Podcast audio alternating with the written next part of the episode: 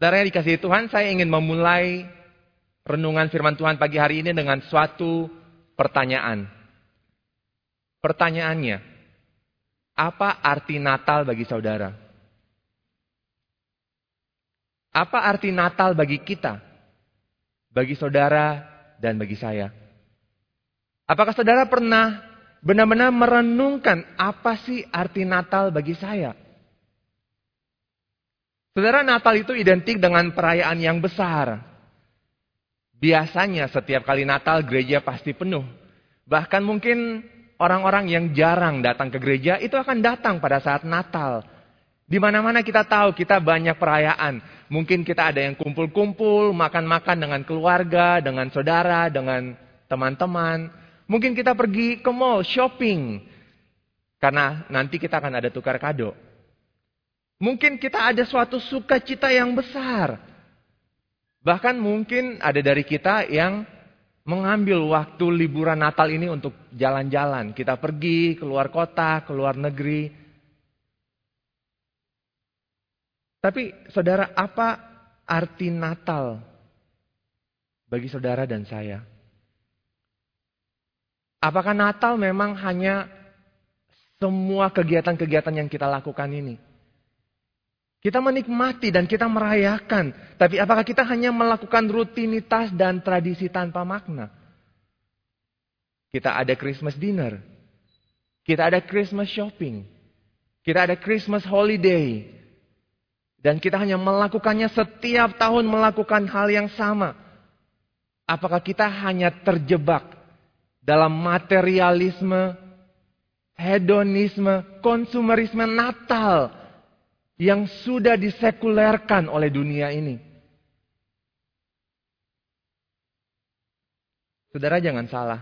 Tentu saja ketika kita membeli banyak barang dan dengan alasan tukar kado, ketika kita kumpul makan-makan dengan alasan perayaan, semuanya itu tidak salah saudara. Tentu saja kita bisa melakukan semuanya itu. Tetapi sekali lagi yang menjadi pertanyaan, apa sebenarnya arti Natal bagi kita? Kenapa Natal merupakan suatu perayaan yang begitu besar bagi kita?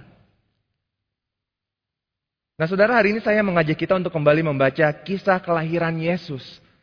Mungkin kita tahu cerita ini, kita sudah sering membaca, kita sudah sering mendengarkan. Tetapi mari kita kembali mendengar dan membaca lagi. Karena cerita ini memang perlu diulang terus bagi kita untuk bisa memahami arti Natal yang sesungguhnya. Nah saya mengajak kita untuk membuka Alkitab kita. Kita akan membaca dari Matius pasal yang pertama. Dari ayat yang ke-18 sampai ayatnya yang ke-25. Matius pasal yang pertama. Dari ayatnya yang ke-18 sampai yang ke-25. Saya akan membacakannya bagi kita semua. Kelahiran Yesus Kristus adalah seperti berikut. Pada waktu Maria ibunya bertunangan dengan Yusuf, ternyata ia mengandung dari Roh Kudus sebelum mereka hidup sebagai suami istri. Karena Yusuf suaminya seorang yang tulus hati dan tidak mau mencemarkan nama istrinya di muka umum, ia bermaksud menceraikannya dengan diam-diam. Tetapi ketika ia mempertimbangkan maksud itu, malaikat Tuhan nampak kepadanya dalam mimpi dan berkata, Yusuf anak Daud, janganlah engkau takut mengambil Maria sebagai istrimu, Sebab anak yang di dalam kandungannya adalah dari roh kudus. Ia akan melahirkan anak laki-laki dan engkau akan menamakan dia Yesus. Karena dialah yang akan menyelamatkan umatnya dari dosa mereka. Hal itu terjadi supaya genaplah yang difirmankan Tuhan oleh Nabi. Sesungguhnya anak darah itu akan mengandung dan melahirkan seorang anak laki-laki dan mereka akan menamakan dia Immanuel yang berarti Allah menyertai kita. Sesudah bangun dari tidurnya, Yusuf berbuat seperti yang diperintahkan malaikat Tuhan itu kepadanya. Ia mengambil Maria sebagai istrinya, tetapi tidak bersetubuh dengan dia sampai ia melahirkan anaknya laki-laki, dan Yusuf menamakan dia Yesus. Demikian firman Tuhan. Saudara, kita bisa melihat di dalam cerita ini suatu kisah kehamilan yang membingungkan sebenarnya. Saudara, kehamilan seharusnya suatu hal yang penuh dengan sukacita. Saya dan istri kami masih menantikan seorang anak. Dan kalau istri saya tiba-tiba hamil, pasti kami akan sangat senang sekali karena itu adalah suatu anugerah Tuhan bagi kami. Kami pasti akan bersuka cita dan bersyukur untuk Tuhan. Tapi saudara, bukan ini yang dialami oleh Yusuf. Ketika Yusuf tahu bahwa Maria hamil, dia tidak senang. Malah dia bingung kok Maria bisa hamil. Mereka belum hidup sebagai suami istri. Apa yang terjadi? Makanya di sini kita membaca bahwa Yusuf bermaksud menceraikan Maria diam-diam. Dia tidak ingin mencemarkan nama Maria, tidak ingin membuat skandal bagi keluarga mereka, bagi sanak saudara mereka. Tetapi ketika ia mempertimbangkan maksud itu, kita membaca di dalam ayat-ayat ini, ketika Yusuf mempertimbangkan maksud itu, muncul malaikat yang menjelaskan kepada Yusuf semuanya. Dan bahkan malaikat itu mengatakan jangan takut mengambil Maria sebagai istrimu. Maria hamil bukan karena selingkuh. Maria hamil bukan karena laki-laki lain. Tetapi dikatakan bahwa anak yang di dalam kandungannya adalah dari roh kudus. Kenapa? Karena ada satu tujuan khusus. Dan lebih lanjut di ayat yang ke-21 kita melihat bahwa Yusuf harus menamakan anaknya ini Yesus. Dan dijelaskan alasannya karena dia yang akan menyelamatkan umatnya dari dosa mereka. Saudara saya tidak tahu apakah nama saudara mempunyai arti. Apakah ada arti dari nama yang diberikan kepada saudara? Nama saya sendiri dalam bahasa Mandarin Chong Sui. Mungkin artinya itu air tengah atau tengah air, saya juga kurang paham. Tapi mungkin Kenapa saya diberikan nama itu supaya saya menjadi orang yang tenang, seperti air yang di tengah-tengah yang tenang. Mungkin itu adalah artinya. Saya kurang paham. Tetapi saudara kalau kita melihat di sini nama Yesus, nama Yesus itu ada artinya. Dan Yesus memang berasal dari bahasa Ibrani Yehosua. Artinya Allah adalah keselamatan. Yahweh adalah keselamatan. Dia yang menyelamatkan. Yehosua. Dan kemudian di, di dalam bahasa kita menjadi Yesus. Nah inilah sebabnya kenapa dia harus dinamakan Yesus. Karena dia adalah Allah yang menyelamatkan. Tapi menjadi pertanyaan. Kenapa Yesus harus menyelamatkan mereka? Dan menyelamatkan dari apa? Saudara, kalau kita tidak memahami hal ini, akan sulit bagi kita untuk memahami kenapa kita merayakan Natal dengan begitu meriah, dengan penuh sukacita, dengan besar-besaran. Kita harus memahami apa maksudnya Yesus menyelamatkan mereka. Supaya kita tidak hanya merayakan Natal secara tradisi atau rutinitas atau ritual yang kita ulang tahun demi tahun, tapi ternyata tanpa makna. Nah, di sini kita akan melihat bahwa yang pertama, Yesus menyelamatkan mereka, Yesus menyelamatkan kita manusia yang berdosa dari kuasa dosa sendiri. Ketika Yesus datang, maka dia menyelamatkan dan melepaskan kita dari dosa yang mengikat kita. Saudara, bagi saudara yang sedang bergumul dengan dosa tertentu, saudara tahu betapa susahnya bagi kita untuk bisa lepas dari dosa tersebut. Apa pun dosa itu, kita begitu susah untuk terlepas dari dosa itu. Mungkin saudara sedang bergumul dengan kemarahan. Dan mungkin saudara senang sudah lama tidak marah-marah tanpa sebab. Eh tapi tiba-tiba marah lagi. Kita mungkin merasa oh kita sudah lepas dari dosa. Tapi ternyata kita berdosa lagi. Sama seperti orang yang sedang kecanduan, saudara. Kecanduan apa pun itu, narkoba, kecanduan pornografi dan sebagainya. Mereka adalah orang-orang yang perlu untuk ditolong. Mereka harus ditolong untuk bisa lepas dari kecanduan itu. Nah saudara sebagai orang yang berdosa, kita semua seakan-akan sedang kecanduan dosa itu sendiri. Kita sedang kecanduan dosa dan kita seakan-akan diikat dengan dosa itu dan kita tidak bisa lepas. Nah, tapi kita bersyukur di sini bahwa apa pun dosa itu, Yesus bisa membawa kelepasan itu bagi kita. Apa pun dosa yang kita alami, mungkin kemarahan, mungkin iri hati, mungkin kita suka bergosip dan fitnah, mungkin kita terjebak dalam pornografi. Apa pun dosa yang begitu mengikat kita, kita bisa dilepaskan. Karena Yesus telah datang untuk menyelamatkan kita dari kuasa dosa itu. Dia dinamakan Yesus. Kenapa? Karena dia yang akan menyelamatkan umatnya dari dosa mereka. Dan berarti Natal itu buat kita saudara. Natal berarti kita bisa dilepaskan dari dosa-dosa itu. Kita tidak lagi berada di bawah kuasa dosa. Yesus telah datang untuk menyelamatkan dan melepaskan kita dari dosa. Tapi bukan hanya melepaskan atau menyelamatkan kita dari kuasa dosa. Yang kedua, Yesus juga menyelamatkan kita dari hukuman dosa itu sendiri, yaitu neraka. Saudara, mungkin aneh kalau lagi Natal kita berbicara tentang neraka. Tapi sekali lagi, kalau kita tidak memahami hal ini, maka kita tidak akan bisa menghargai Natal. Sesungguhnya Natal, kenapa Natal merupakan suatu hal yang penuh sukacita bagi kita. Nah karena itu kita harus memahami tentang hukuman dosa yaitu neraka ini. Di dalam Injil Matius, Tuhan Yesus pernah berkata, di dalam Injil Matius pasal yang ke-10, ayatnya yang ke-28, Tuhan Yesus pernah berkata bahwa bukan hanya tubuh kita yang mati, tetapi ternyata jiwa kita pun bisa mati. Dan dia berkata jangan takut kepada mereka yang bisa membunuh tubuh, tetapi tidak berkuasa membunuh jiwa. Takutlah terutama kepada dia yang berkuasa membinasakan baik jiwa maupun tubuh di dalam neraka.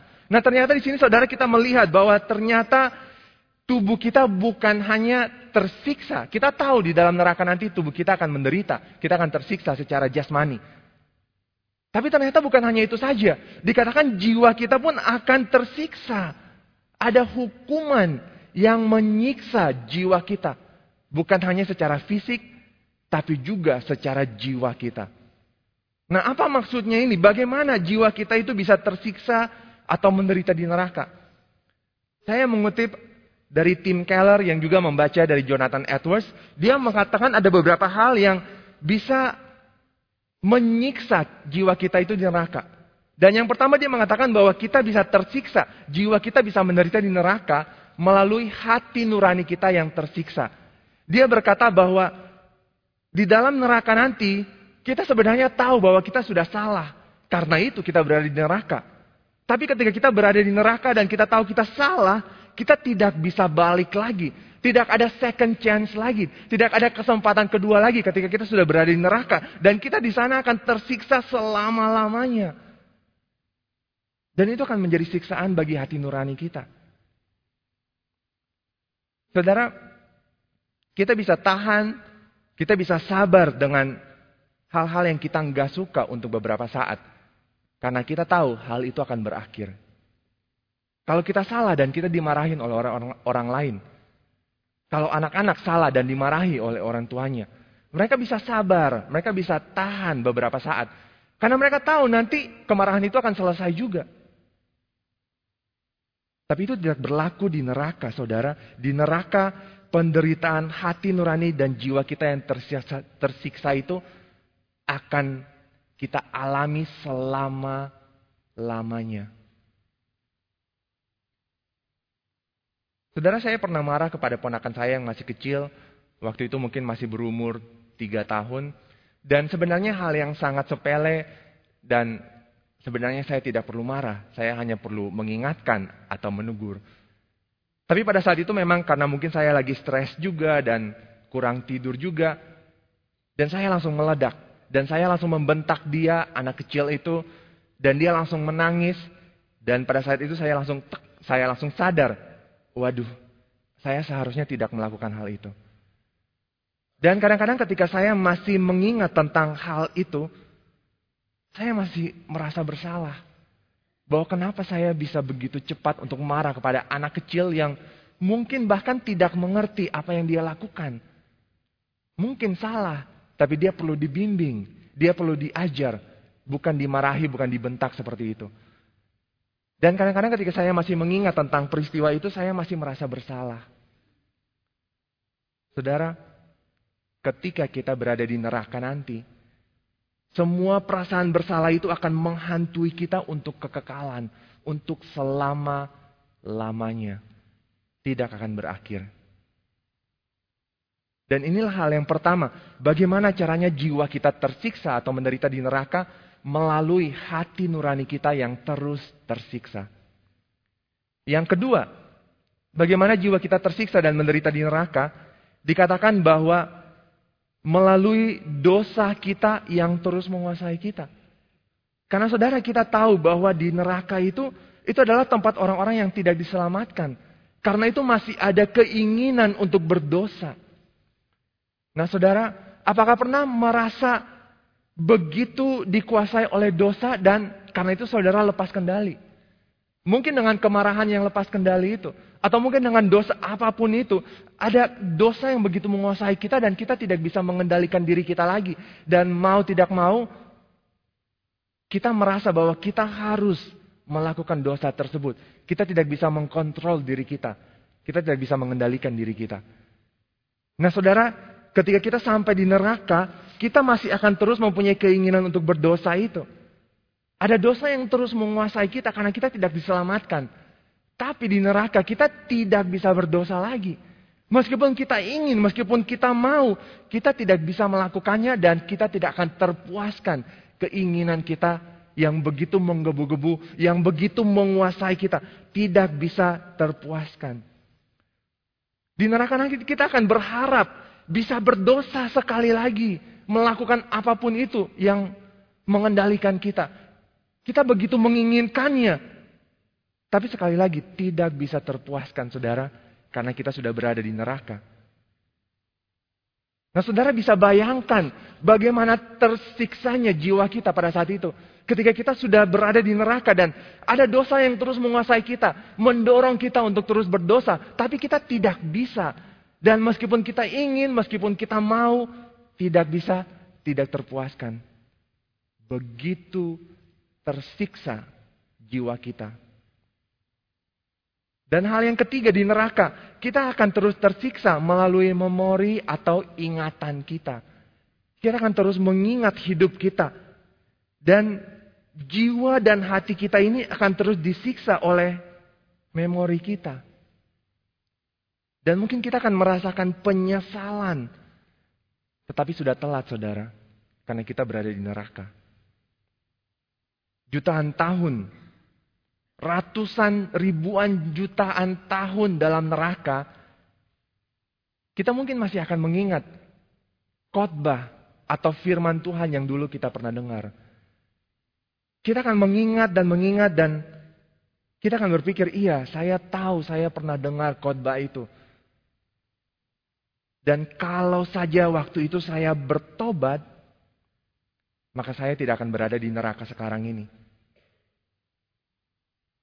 Kita akan terus mengingat dan kita akan terus menyesal, tapi kita tidak akan bisa apa-apa. Saudara bahkan mungkin saking tersiksanya jiwa kita, kita seakan-akan pengen mati aja.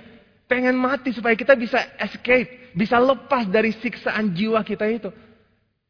Tapi saudara ingat kita sudah mati kalau kita berada di neraka. Dan di neraka tidak ada jalan keluar. Kita tidak bisa mati lagi dan escape lagi. Karena kita sudah ada di tempat terakhir itu. Dan saking tersiksanya, kita nggak bisa apa-apa. Saudara inilah gambaran neraka itu yang begitu mengerikan sebenarnya. Bukan hanya siksaan jasmani yang kita rasakan. Yang sering kali kita berpikir, oh ya kita akan tersiksa, tubuh kita mungkin akan dibakar dalam nyala api dan sebagainya. Memang mungkin terjadi. Kita tidak tahu seperti apa siksaan jasmani itu di neraka. Tapi sebenarnya yang lebih mengerikan yaitu siksaan bagi jiwa kita. Ketika kita berada di neraka, melalui hati nurani kita yang terus tersiksa, melalui dosa yang terus menguasai kita dan kita tidak bisa terpuaskan, melalui memori dan ingatan kita, kita akan terus dihantui perasaan bersalah, kita akan terus dihantui perasaan menyesal, tapi kita tidak bisa apa-apa karena sudah terlambat dan kita akan terus tersiksa dan menderita untuk selama-lamanya. Nah sekali lagi saudara bisa bayangkan betapa mengerikannya neraka itu. Bukan hanya jasmani, tapi juga jiwa kita. Tapi saudara kita bersyukur bahwa sebagai umat Tuhan, Allah menyelamatkan kita. Meskipun neraka itu begitu mengerikan, tetapi Allah menyelamatkan kita, saudara. Allah di dalam diri Yesus telah melakukan tindakan penyelamatan yang konkret itu. Maka ini bukan hanya suatu angan-angan. Ini bukan hanya suatu harapan palsu. Tapi ini adalah suatu kenyataan bahwa Allah melakukan tindakan penyelamatan bagi kita ketika Yesus lahir di dunia ini. Dan itulah yang kita rayakan dalam Natal ini. Dia dinamakan Yesus. Kenapa? Karena dia yang akan menyelamatkan umatnya dari dosa mereka. Karena itu dia harus dinamakan Yesus. Dan karena itu, saudara kita tahu bahwa Yesus, ketika kita merayakan kelahirannya, kita tahu bahwa Yesus tidak hanya lahir di palungan, tetapi dia akan mati di kayu salib. Mati di kayu salib untuk menanggung dosa kita. Untuk menggantikan kita. Sehingga kita tidak perlu lagi menerima hukuman dosa itu. Sehingga kita tidak perlu lagi dikuasai oleh dosa-dosa yang begitu mengikat kita. Karena dia menyelamatkan kita dari dosa-dosa kita. Kita tahu Yesus bukan hanya bayi yang mungil dan lucu yang sering kali ada dalam drama-drama Natal. Bukan hanya itu saudara, tapi Yesus adalah juru selamat. Dialah penyelamat semua manusia berdosa, termasuk saudara dan saya. Dan karena itu kita bersyukur untuk kelahiran Yesus. Dialah terang yang telah masuk ke dunia yang gelap ini. Dia masuk untuk membawa keselamatan bagi kita. Dan itulah yang kita rayakan. Inilah alasan kenapa kita merayakan Natal. Karena Natal berarti keselamatan bagi manusia. Keselamatan bagi kita semua. Saudara, inilah arti Natal yang sesungguhnya bagi kita. Yesus datang untuk menyelamatkan kita dari kuasa dosa dan dari hukuman dosa, yaitu neraka. Sehingga saudara, kita harus mengingat bahwa inilah pengharapan kita. Ketika Yesus datang, dia sendiri yang memberikan janji kepada kita. Dia memberikan suatu pengharapan kepada kita. Di dalam Yohanes pasal yang ke-11, Yesus berkata, Akulah kebangkitan dan hidup. Barang siapa percaya kepadaku, ia akan hidup walaupun ia sudah mati. Dan setiap orang yang hidup dan yang percaya kepadaku, tidak akan mati selama-lamanya. Kemudian Yesus bertanya, Percayakah engkau akan hal ini? Percayakah saudara akan hal ini? Bahwa inilah yang dijanjikan oleh Yesus. Dan dia telah datang memberikan kenyataan ini kepada kita. Memberikan harapan ini kepada kita. Bahwa meskipun kita tahu suatu saat nanti kita akan menghadapi kematian itu. Kita tidak perlu takut. Ketika kita percaya kepada Yesus. Maka meskipun kita mati, kita akan hidup. Dan Walaupun kita akan mati, tapi kita tidak akan mati selama-lamanya. Karena Yesuslah kebangkitan dan hidup. Saudara, dalam dua minggu lagi kita akan merayakan Natal.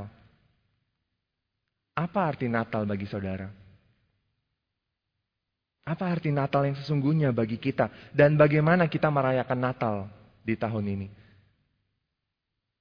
Mungkin sudah beberapa tahun kita tidak merayakan Natal secara besar-besaran karena pandemi. Dan sebenarnya saudara kita pun sekarang masih berada dalam bayang-bayang pandemi. Masih ada kenalan kita, teman-teman kita, keluarga kita yang terkena COVID. Mungkin masih ada berbagai pergumulan dalam dunia ini.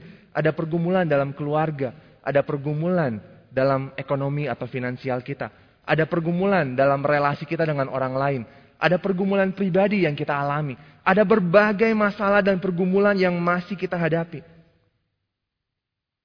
Tapi saudara jangan lupa bersyukur. Bersyukur dan bersuka cita. Karena Yesus penyelamat kita telah lahir. Dia telah datang ke dunia ini untuk menyelamatkan kita. Sehingga sekali lagi di tengah semua kesibukan kegiatan Natal kita di tengah semua konsumerisme Natal yang begitu marak dan masif. Saya ingin mengajak kita semua untuk kembali fokus kepada Yesus. Fokus kepada Yesus karena dialah alasan kita merayakan Natal. Kita bisa saja kumpul-kumpul makan-makan. Tapi itu bukan alasan utama kita bersuka cita karena Natal. Kita bisa mengadakan Christmas shopping dan tukar kado. Tapi itu bukan fokus utama kita merayakan Natal. Fokus kita tetaplah Yesus. Kita bisa mungkin mengambil waktu liburan Natal ini kita jalan-jalan bersama keluarga atau teman-teman. Tapi sekali lagi itu bukan alasan kita bersuka cita. Kita bersuka cita, ye, libur Natal kita bisa jalan-jalan. Bukan itu saudara. Kita bersuka cita karena Yesus, Juru Selamat kita sudah datang untuk menyelamatkan kita. Kita patut bersuka cita karena dia menyelamatkan kita dari dosa. Dari kuasa dosa yang begitu mengikat kita. Dan dari hukuman dosa yang begitu mengerikan. Itulah alasan kita merayakan Natal. Bersuka citalah. Kita boleh merayakan besar-besaran. Tidak apa-apa saudara, tidak salah. Tapi jangan lupa fokus kita haruslah Yesus. Dan fokus itu bukan hanya ada di dalam gereja. Fokus itu bukan hanya kita ingat ketika kita beribadah bersama. Tapi ketika kita kumpul makan-makan dengan teman, dengan keluarga, ingat fokus adalah Yesus. Kita beritakan Yesus. Ketika kita mengadakan Christmas shopping dan kita mungkin melakukan tukar kado, ingat fokusnya adalah Yesus. Sama seperti Allah yang telah memberikan pemberian kado yang begitu indah, begitu besar bagi kita. Itulah alasan kenapa kita memberikan kado kepada orang lain. Tulislah di dalam catatan kita, di dalam notes kita ketika kita memberikan kado kepada orang lain. Ketika kita jalan-jalan, ketika kita liburan, ingat bahwa fokusnya adalah Yesus. Kita bisa merayakan dan bersuka cita dengan semua ini, dengan semua berkat Tuhan. Karena Yesus yang telah memberikan sukacita yang besar itu bagi kita. Karena dia yang telah menyelamatkan kita. Dan saya ingin menutup pagi hari ini secara khusus bagi saudara yang belum percaya kepada Yesus. Bagi saudara yang belum menerima Yesus sebagai juru selamat saudara. Ambil waktu, ambil momen Natal tahun ini. Untuk benar-benar mencari tahu siapa Yesus sebenarnya. Kalau dia benar-benar adalah juru selamat manusia yang berdosa. Kenapa saudara tidak mau percaya kepada Yesus? Mungkin momen Natal tahun ini bagi saudara yang belum percaya, inilah momen terbaik untuk percaya, untuk bertobat. Karena kita tidak tahu berapa lama kita hidup dan kita dikasih kesempatan untuk percaya, untuk bertobat. Ambil momen Natal tahun ini untuk percaya dan untuk menerima Yesus sebagai juru selamat saudara. Mari kita berdoa. Bapak kami yang di surga, kami kembali bersyukur bahwa Engkau telah mengaruniakan anakmu yang tunggal, Tuhan Yesus Kristus, untuk datang ke dunia kami untuk mati, dan untuk bangkit. Memberikan pengharapan bagi kami. Memberikan hidup yang baru, hidup yang kekal. Memberikan keselamatan bagi kami. Karena itulah dia dinamakan Yesus. Karena dia yang menyelamatkan umatmu dari dosa-dosa mereka. Kami bersyukur Tuhan Yesus telah lahir, telah datang ke dunia ini. Dan kami bersyukur kami semua adalah penerima anugerah Tuhan yang begitu indah, yang begitu besar. Bersyukur Tuhan untuk semuanya itu dan kami berdoa supaya Tuhan yang terus mengingatkan kami. Ketika kami merayakan Natal, ketika kami sibuk dengan semua kegiatan Natal, biarlah kami boleh terus mengingat dan berfokus kepada Yesus. Alasan satu-satunya kami merayakan Natal. Biarlah kami boleh terus bersyukur dan bersuka cita. Karena Yesus, Juru Selamat kami, telah datang ke dunia ini. Dan akhirnya kami tidak perlu takut dengan kematian. Kami tidak perlu lagi berada di bawah kuasa dosa. Tapi kami adalah umatmu, kami adalah milikmu. Dan suatu saat nanti, meskipun kami akan mati, tapi kami tidak akan mati untuk selama-lamanya. Kami akan hidup kembali dan bersama dengan Tuhan untuk selama-lamanya di surga. Bersyukur Tuhan untuk pengharapan ini. Bersyukur untuk keselamatan yang telah Tuhan berikan kepada kami. Dan Tuhan kami mohon supaya Engkau yang terus menolong kami. Untuk boleh meresponi keselamatan dan anugerah Tuhan yang begitu besar bagi kami. Dengan benar, dengan bersyukur, dengan bersuka cita. Karena Yesus Juru Selamat kami. Terima kasih Tuhan. Dalam nama Tuhan Yesus kami berdoa dan kami bersyukur. Amin.